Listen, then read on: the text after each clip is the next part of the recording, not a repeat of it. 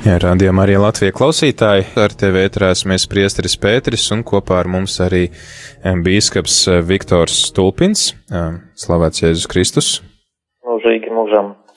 Runājām ar priesteri Rodionu par grēksūdzi, par to, ka mums nu, pietiek tā ar jau, teiksim tā, būt gataviem, būt gataviem izsūdzēt grēkus, kad vien ir tāda iespēja, un, un uh, Dievs arī to redz mūsu sirdis, mūsu nodomus, tad uh, kā mums vislabāk sagatavoties tam visam, un jā, tad arī pamazām varbūt varam pāriet uz šo tādu vadīto uh, sirdsapziņas izmeklēšanu.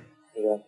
Nu, es vispirms gribētu droši vien visu vārdā pateikties apustulskana penitenciāriem par tādu pretīm nākšanu, jo tiešām mēs tiekam aicināti aizvien biežāk palikt mājās, nenākt uz svēto misiju, skatīties televīzijā, radio, internetā klausīties.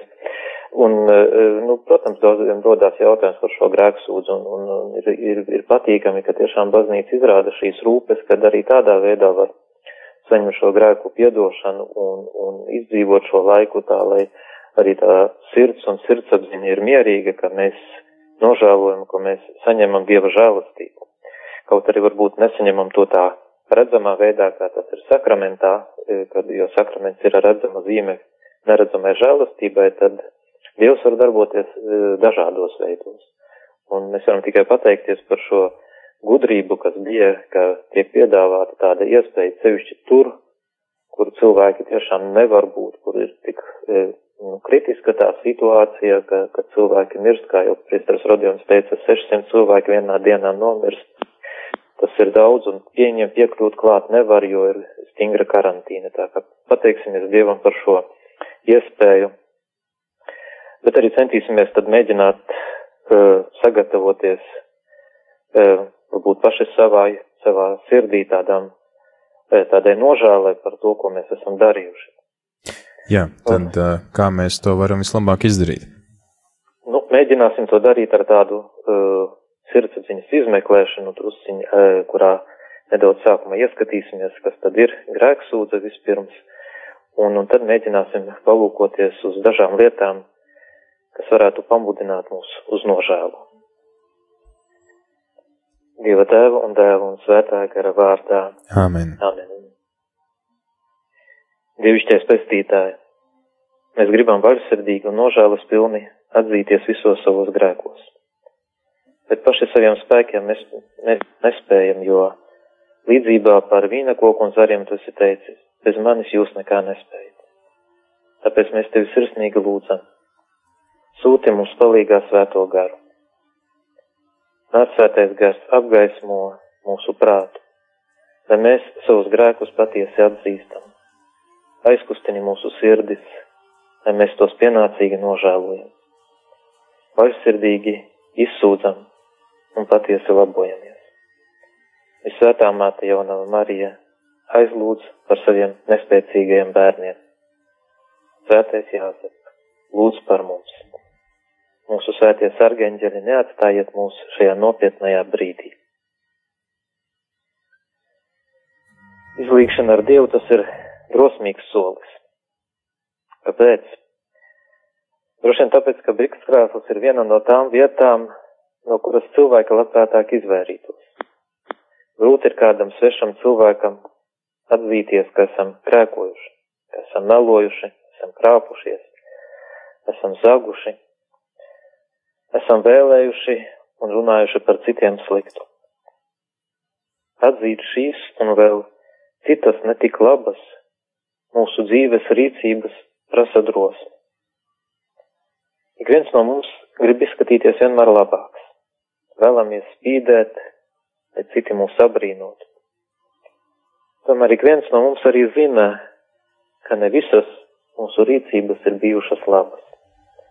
Dažkārt šīs nelabās rīcības izdodas noslēpt, bet ar laiku viss apslēptais kļūst zināms.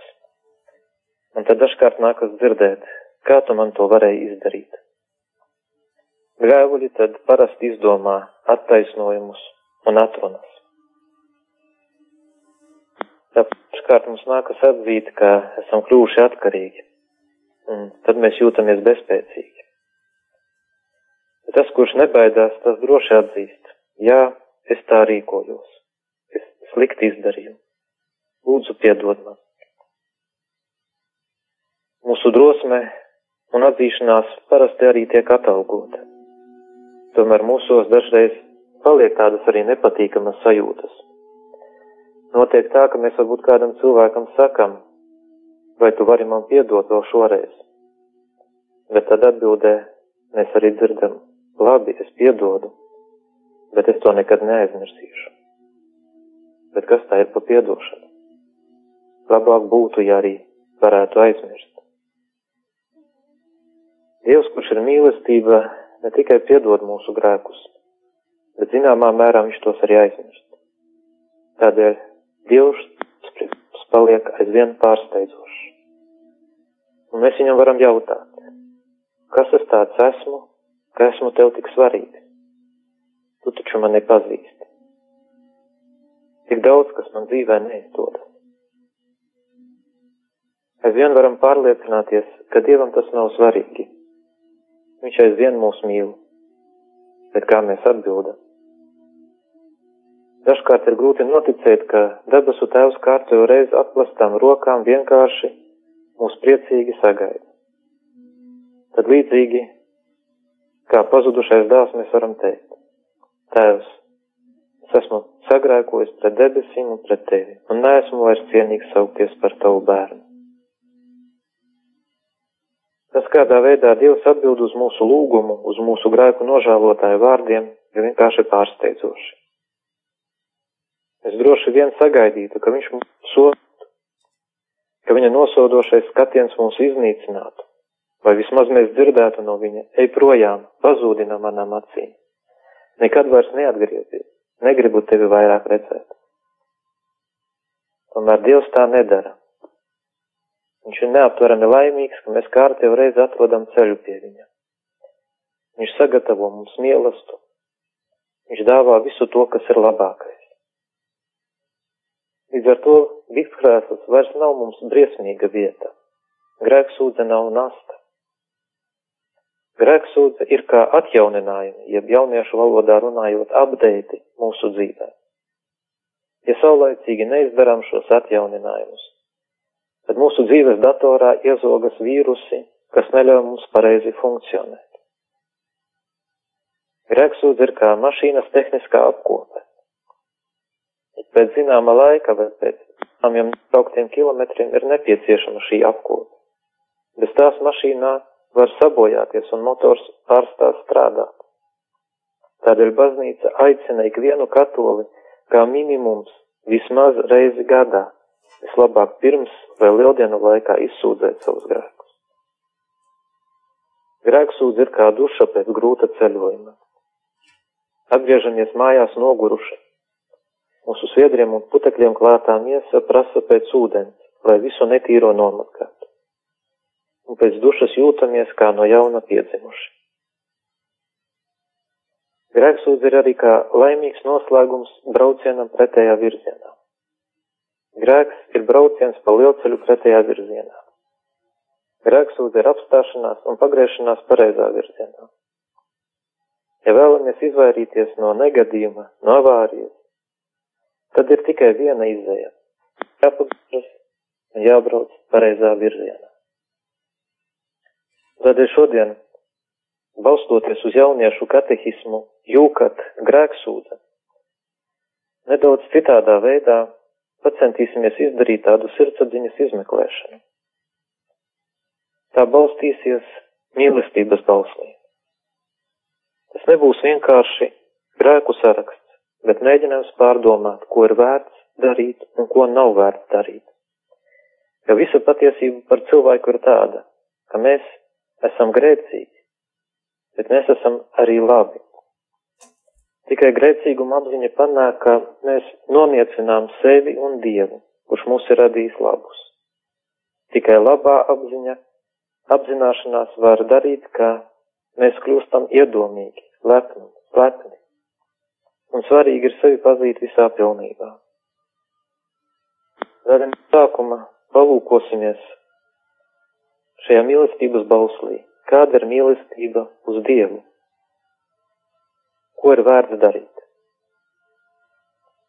Ir vērts Dievu nolikt savā dzīvē pirmajā vietā. Ir vērts nebaidīties atklāti apliecināt, ka esmu kristietis, esmu katolis. Ir vērts, ka mūsu mājās, dzīvokļos, istabās būtu krusts, svētbildi, svētie raksti vai citas ticības zīmes. Ir vērts uz Dievu raidīt pirmās domas, pamostoties, un pēdējās dodoties pie miera. Ir vērts piedalīties svētdienas svētajā misē, un šajā jaunā situācijā to ir vērts un pat ieteicams darīt radio un interneta starpniecību. Tāpat ir vērts nostāties Dieva pusē, kad citi viņu zaimo. Ir vērts lūgt, lai Dievs ir klātesošs katra mūsu dzīvē. Ir vērts meklēt Dievu un viņa gribu Bībelē un baznīcā. Ir vērts padziļināt savas zināšanas ticības jomā. Ir vērts ikdienas izdarīt sirdsapziņas izmeklēšanu un regulāri iet pie grēksūdzes. Nav vērts Nav vērts atlikt uz vēlāku laiku, veidot savas attiecības ar Dievu. Nav vērts sevi uzskatīt par visgudrāko, vislabāko, visskaistāko. Nav vērts mīlēt kādu cilvēku vai lietas vairāk par Dievu. Nav vērts brīvlaikā, atvaļinājumā paņemt arī brīvlaiku no Dieva. Nav vērts ticēt dažādiem māņiem, talismaniem vai horoskopiem. Nav vērts aizrauties ar daudzām lietām, nozogot laiku Dievam. Nav vērts kaunēties no savas ticības. Nav vērts kārdināt Dievu, viņu apvainojot un zaimojot.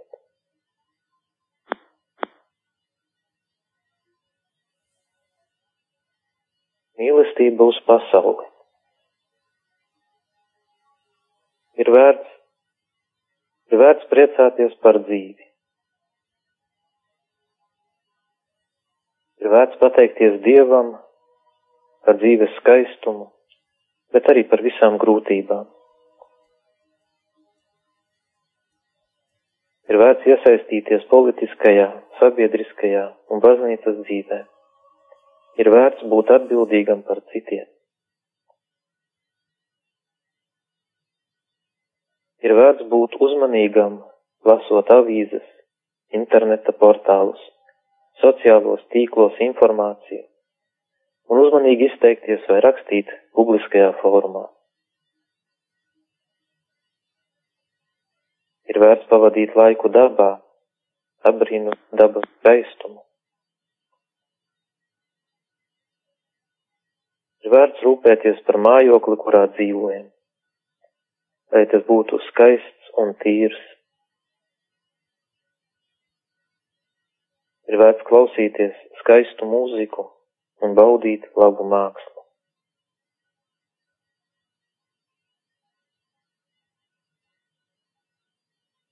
Nav vērts, nav vērts dzīvot tikai savam labumam. Nav vērts pamest pasauli likteņa varā. Nav vērts pirkt par daudz ēdienu, kurš neizlietots nonāk miskastē. Nav vērts nopelnīto naudu tīrēt, tērēt tikai sautīgos nolūkos. vērts necīnīties ar mantkārību. Nav vērts piesārņot apkārtējo vidi.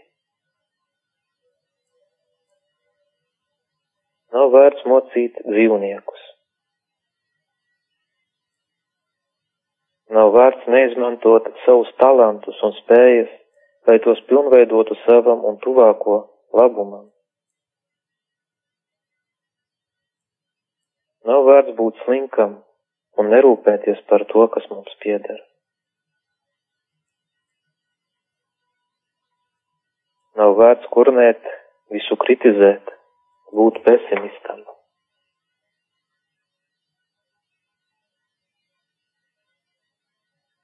Mīlestība uz tuvākajiem ir vērts. Ir vērts būt patsīgam ir vērts būt labam draugam, uz kuru var paļauties.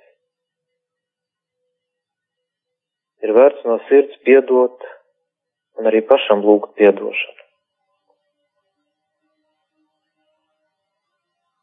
Ir vērts sagādāt citiem prieku. Ir vērts būt pacietīgiem ar tiem, kuri mūs kaitina. ir vērts lūgties par citiem. Ir vērts saukt netaisnību par netaisnību.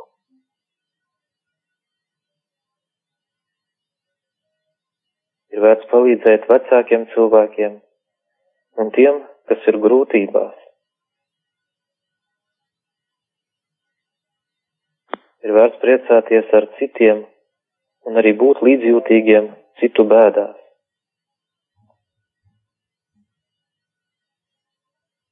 Ir vērts aizstāvēt tos, kurus sabiedrība nepieņem.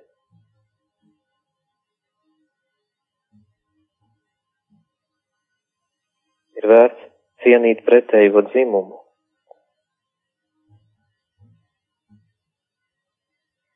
Ir vērts būt atklātam, neievainojot otru.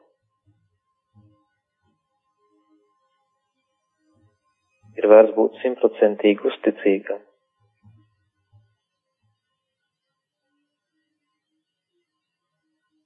Nav vērts. Nav vērts apvainot, aprunāt un parādīt sliktā gaismā citus cilvēkus. Nav vērts krāpt, mest, pīt intrigas. Nav vērts piesavināties svešas lietas, zakt. Nav vērts manipulēt ar citiem un izmantot viņus savu mērķu sasniegšanai. Nav vērts atklāt citu uzticētos noslēpumus. Nav vērts raudī, raudzīties uz citiem no augšas, būt augstprātīgam. Nav vērts maldināt citus un seksuāli izmantot viņus. Nav vērts būt skaudīga.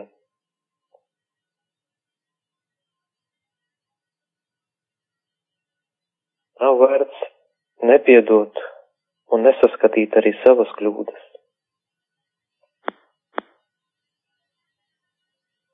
Nav vērts apdraudēt citus pārkāpjot ceļu satiksmes noteikumus.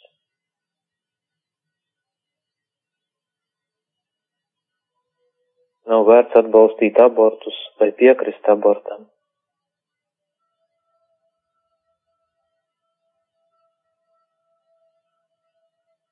Mīlestība uz sevi ir vērts.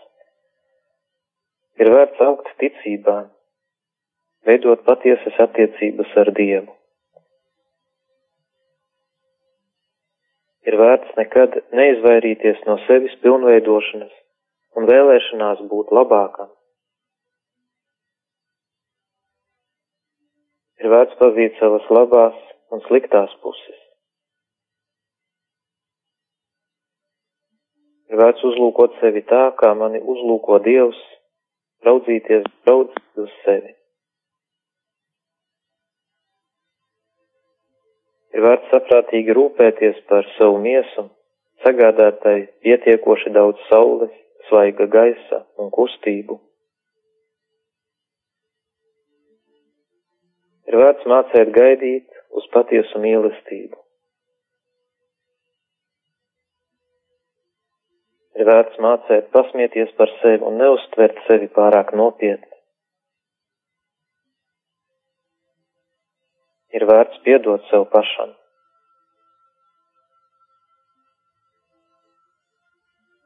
Ir vērts nedusmoties bez iemesla vai par katru sīkumu.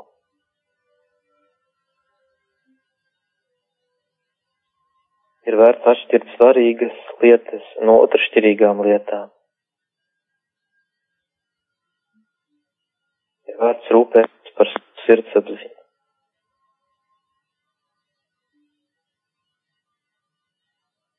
Nav vērts. Nav vērts ignorēt veselības traucējumus un neiet pie ārsta. Nav vērts fanātiski rūpēties par savu miesu un uzskatīt to par visaugstāko svētumu. Nav vērts smēķēt, lietot narkotikas, regulāri piedzerties. Nav vērts skatīties pornogrāfiskus materiālus un pašapmierināties. Nav vērts slēpt un ignorēt savas atkarības. Nav vērts visu pakļaut savai karjerai. Nav vērts pārmērīgi mocīt savu organismu ar pārstrādāšanos.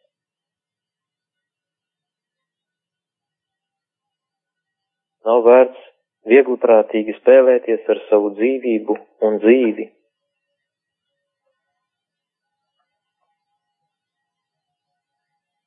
Nav vērts būt egoistam. Nav vērts ļaut sliktiem ieradumiem pilnībā kontrolēt manu dzīvi.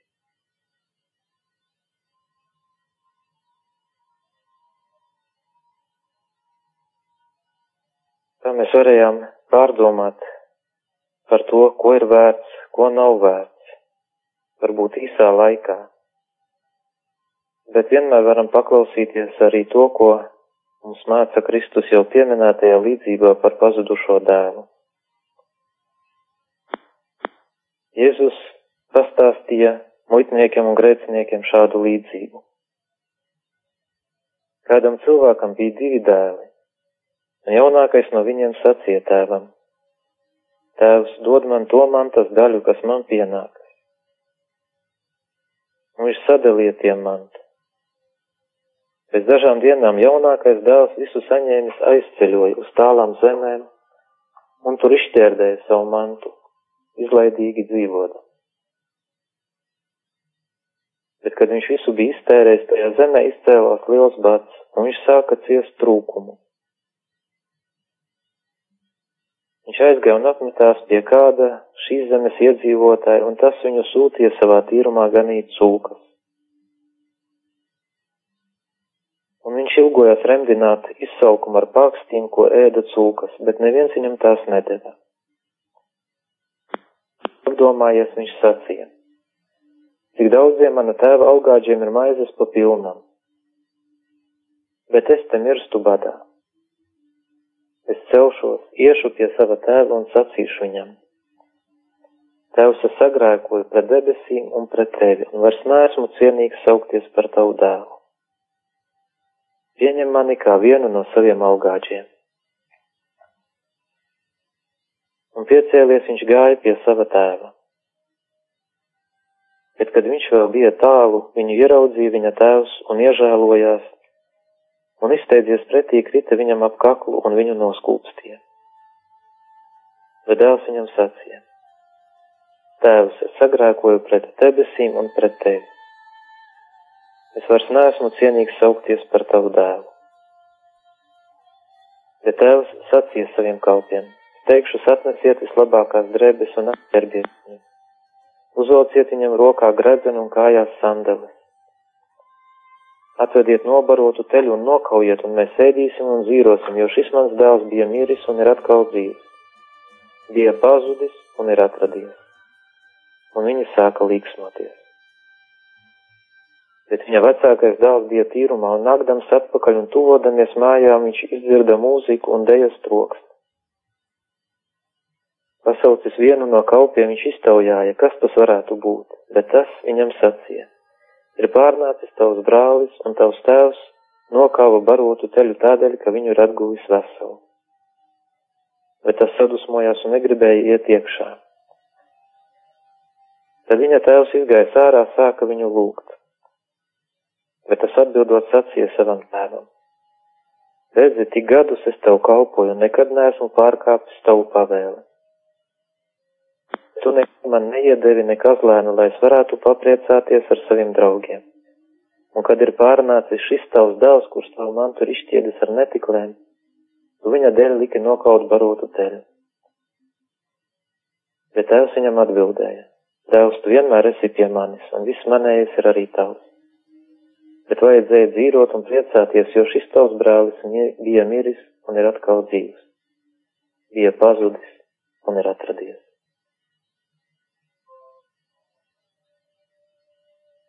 Mēs redzam, ka tēva mājās dzīvo divi dēli. Nevienu vairāk mēs tur nesastopam. Tikai to, kas ir pats svarīgākais - tēvs un divi dēli. Un tēvam ir īpašas attiecības ar saviem bērniem. Viņš ļoti rūpējas par katru no saviem dēliem. Bet patiešām ir viņa dēli un nevis kalpi. Tā arī mēs katrs esam mūsu debesu tēva bērni. Ar tēvu mūs saistā cieša saikne, un viņš īpašā veidā rūpējās par katru no mums. Viņš katru no mums apdāvina ar dāvanām. Vēlās mūs ņemt un noslēgt ar mums savu īpašu derību, mīlestības derību. Bet tad viens no dēliem aiziet. Aiziet un dara pa savam. Palūkosimies uz viņu, kad viņš aiziet ar cainīti pār pleciem un neatskatās uz savu tēvu. Viņu kaut kas cits ir pavisam aizrāvis. Dēls nepagriežās un nepalūkojās uz savu tēvu, bet dodās tālāk pasaulē. Dodās vēlēdamies būt brīvs. Arī mēs tādi esam, kad grēkojam, kā šis dēls, kurš pagriežās pret tēvu ar muguru un aiziet. Dēls, kurš ar saimīti pār pleciem apmierināts, dara tā, kā viņam pašam ienāk prātā. Viņš tic, ka ārpus tēva mājas laimes viņam būs vairāk. Bet palūkosimies, kā pabeidza šis pazudušais dēls. Paskaties, kur viņu aizveda viņa lēmums. Viņš cerēja atrast laimi, bet tā vietā viņš vēlējās redzēt savu izsauku ar patīm, ko ēda cūkas, bet neviens viņam tās nedēļ. Pabeidza savus laimes meklējumus šis dēls. Redzam, ka viņš dzīvo kopā ar cūkām. Viņš vēlējās iegūt laimi bez tēva, bet nonāca dubļu pēķē. Grēks ved mūs tur, kur ir netīrs, ved tur, kur nav tēva mājas skaistuma. Grēks zināmā mērā pārveido mūs par dzīvnieku, bet tēvs ir skaists. Tēvs nemitīgi lūkojās un meklēja savu dēlu. Neaizsūtīja savu tēlu, savu, nenoraidīja savu dēlu tā, ka viņam nav atpakaļ ceļa. Patiesību sakot, viņš meklēja iemeslu, lai atkal atgūtu savu dēlu. Viņš sēdēja uz terases, nemitīgi lūkojoties uz horizontu. Pavadīja šo laiku gaidā. Skatījās, kad parādīsies dēla tēls kaut kur tālumā. Tas ir neticami. Tā vietā, lai teiktu, ej prom no manis, es tevi vairs negribu redzēt, tēvs gaida. Tēvs meklē savu dēlu. Un, kad dēls parādās tālumā, tēvs izteidzās viņam pretī. Viņš ir aizkustināts. Jau, jau sen viņš gaidīja šo brīdi. Tagad viņš metās savam dēlam ap kaklu, pieglauž viņu. Neizsaka viņam nekādus pārmetumus, neapvaino, bet ar savu apskāvienu mēģina viņam atgriezt viņa cilvēcisko cieņu. Tieši tā rīkojās Tēvs debesī. Viņš nenosoda mūs. Viņš ar savu skatienu neiznīcina mūs. Viņš paliek mūsu Tēvs, pilns mīlestības. Kaut arī mēs esam ietiepīgi, kaut arī grēks bieži vien sarauj mūsu saites ar viņu. Viņš dodas meklēt. Viņš gatavs meklēt mūs tik ilgi, cik ir nepieciešams.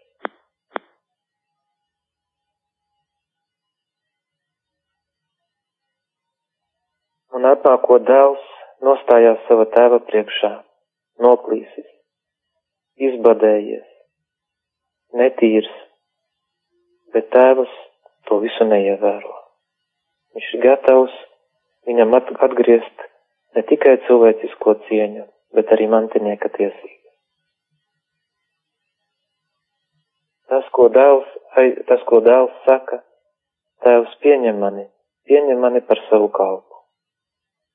Bet tēvu tas neapmierina. Tēvam mēs paliekam viņa bērni, viņa mīļotie bērni kurus viņš vienmēr gaida, kurus viņš vienmēr meklē, uz kuriem viņš vienmēr lūkojās. Un tas ir iedrošinājums arī katram no mums. Tad, kad esam attālinājušies no Dieva, meklēt, nebaidīties no Viņa, doties atpakaļ uz mājām, kuru Tēvs ar apskāvienu mūs sagaida. Noslēgumā lūksim. Kungs Jēzu Kristu, es nāku pie tevis ar saviem grēkiem un vainām, jo tu mani uzrunā. Nāciet pie manis visi, kas esat nopūlējušies un zem smagas nastas, un es jūs atvieglināšu.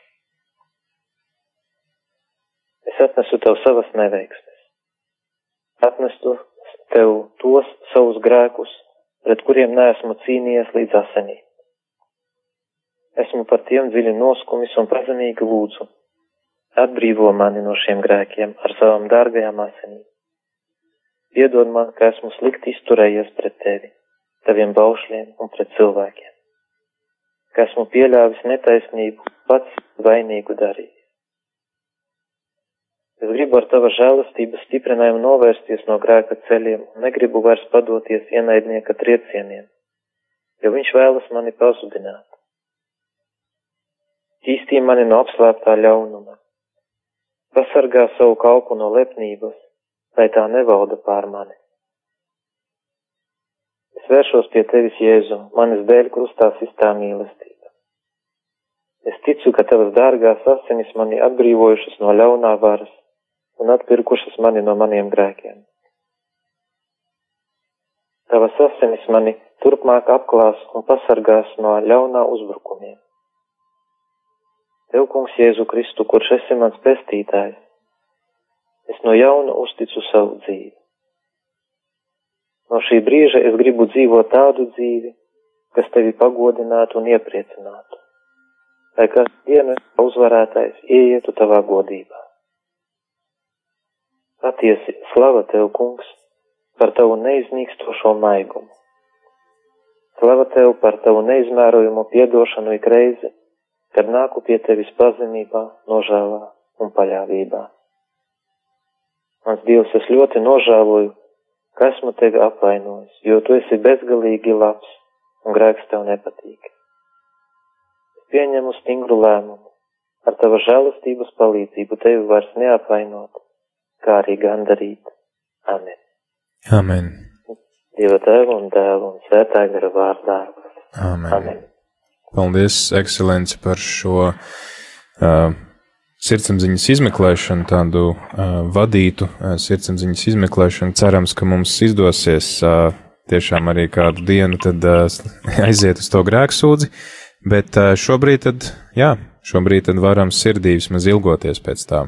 Jā. Varbūt jūs. Lai Dievs, lai Dievs visiem svētī tiešām šajā laikā, grūtajā laikā, pārbaudījuma laikā, kad mēs dzīvojam tādā ierobežojumā un tiešām atcerēties, ka tā ir arī mūsu atbildība par to, gan, gan Dieva, gan cilvēku priekšā, kā mēs šo laiku izdzīvosim, cik svētīgs tas priekš mums būs ar visiem mūsu ierobežojumiem. Un tas varētu būt tiešām par tāds patiesa gavēņa laiks, jo gavēnis tas arī ir sava veida ierobežojums.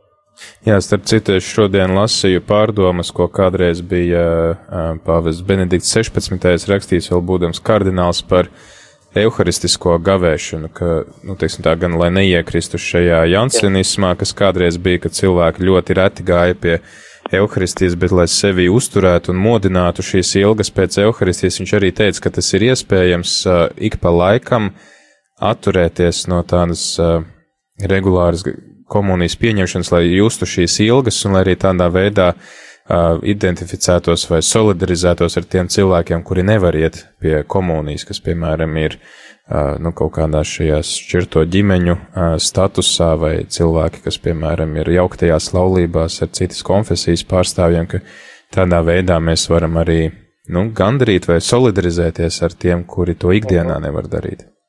Jā, un tas ir arī sava veida krusts, ko mēs varam nest. Jā. Jā, tā kā gavējam, gandaram un šoreiz arī gandaram ar, ar sakramentiem, diemžēl, bet arī tas nav ne bez dieva ziņas ekscelence. Varbūt tad noslēgumā mēs varam lūgt jūsu svētību visiem mūsu klausītājiem, viņu tuviniekiem, viņu ģimenēm, īpaši arī tad uzsākot šo akciju 24 stundas kungam. Labi. Dievs kungs, ir ar jums. Kungs ir ar tevi. Lai kunga vārds ir slavēts. No šī laika un mūžam mūsu palīdzību ar kunga vārdā, kas ir radījis debesis un zemi. Es sveicu jūs visus visvarenais Dievs Tēvs un Dēls un Svētais Gars. Āmen. Lai Dieva žēlastība mūs visus pavada. Pateicība Dievam. Jā, paldies. Paldies, klausītāji. Tas bija Liepājas bīskaps un arī Latvijas bīskapa konferences prezidents Viktors Stulpins varējām izdarīt sirdsapziņas izmeklēšanu kopā ar viņu. Paldies par šo stundu, ko viņš pavadīja kopā ar mums, tad paliekam kopā ar Radio Mariju Latviju.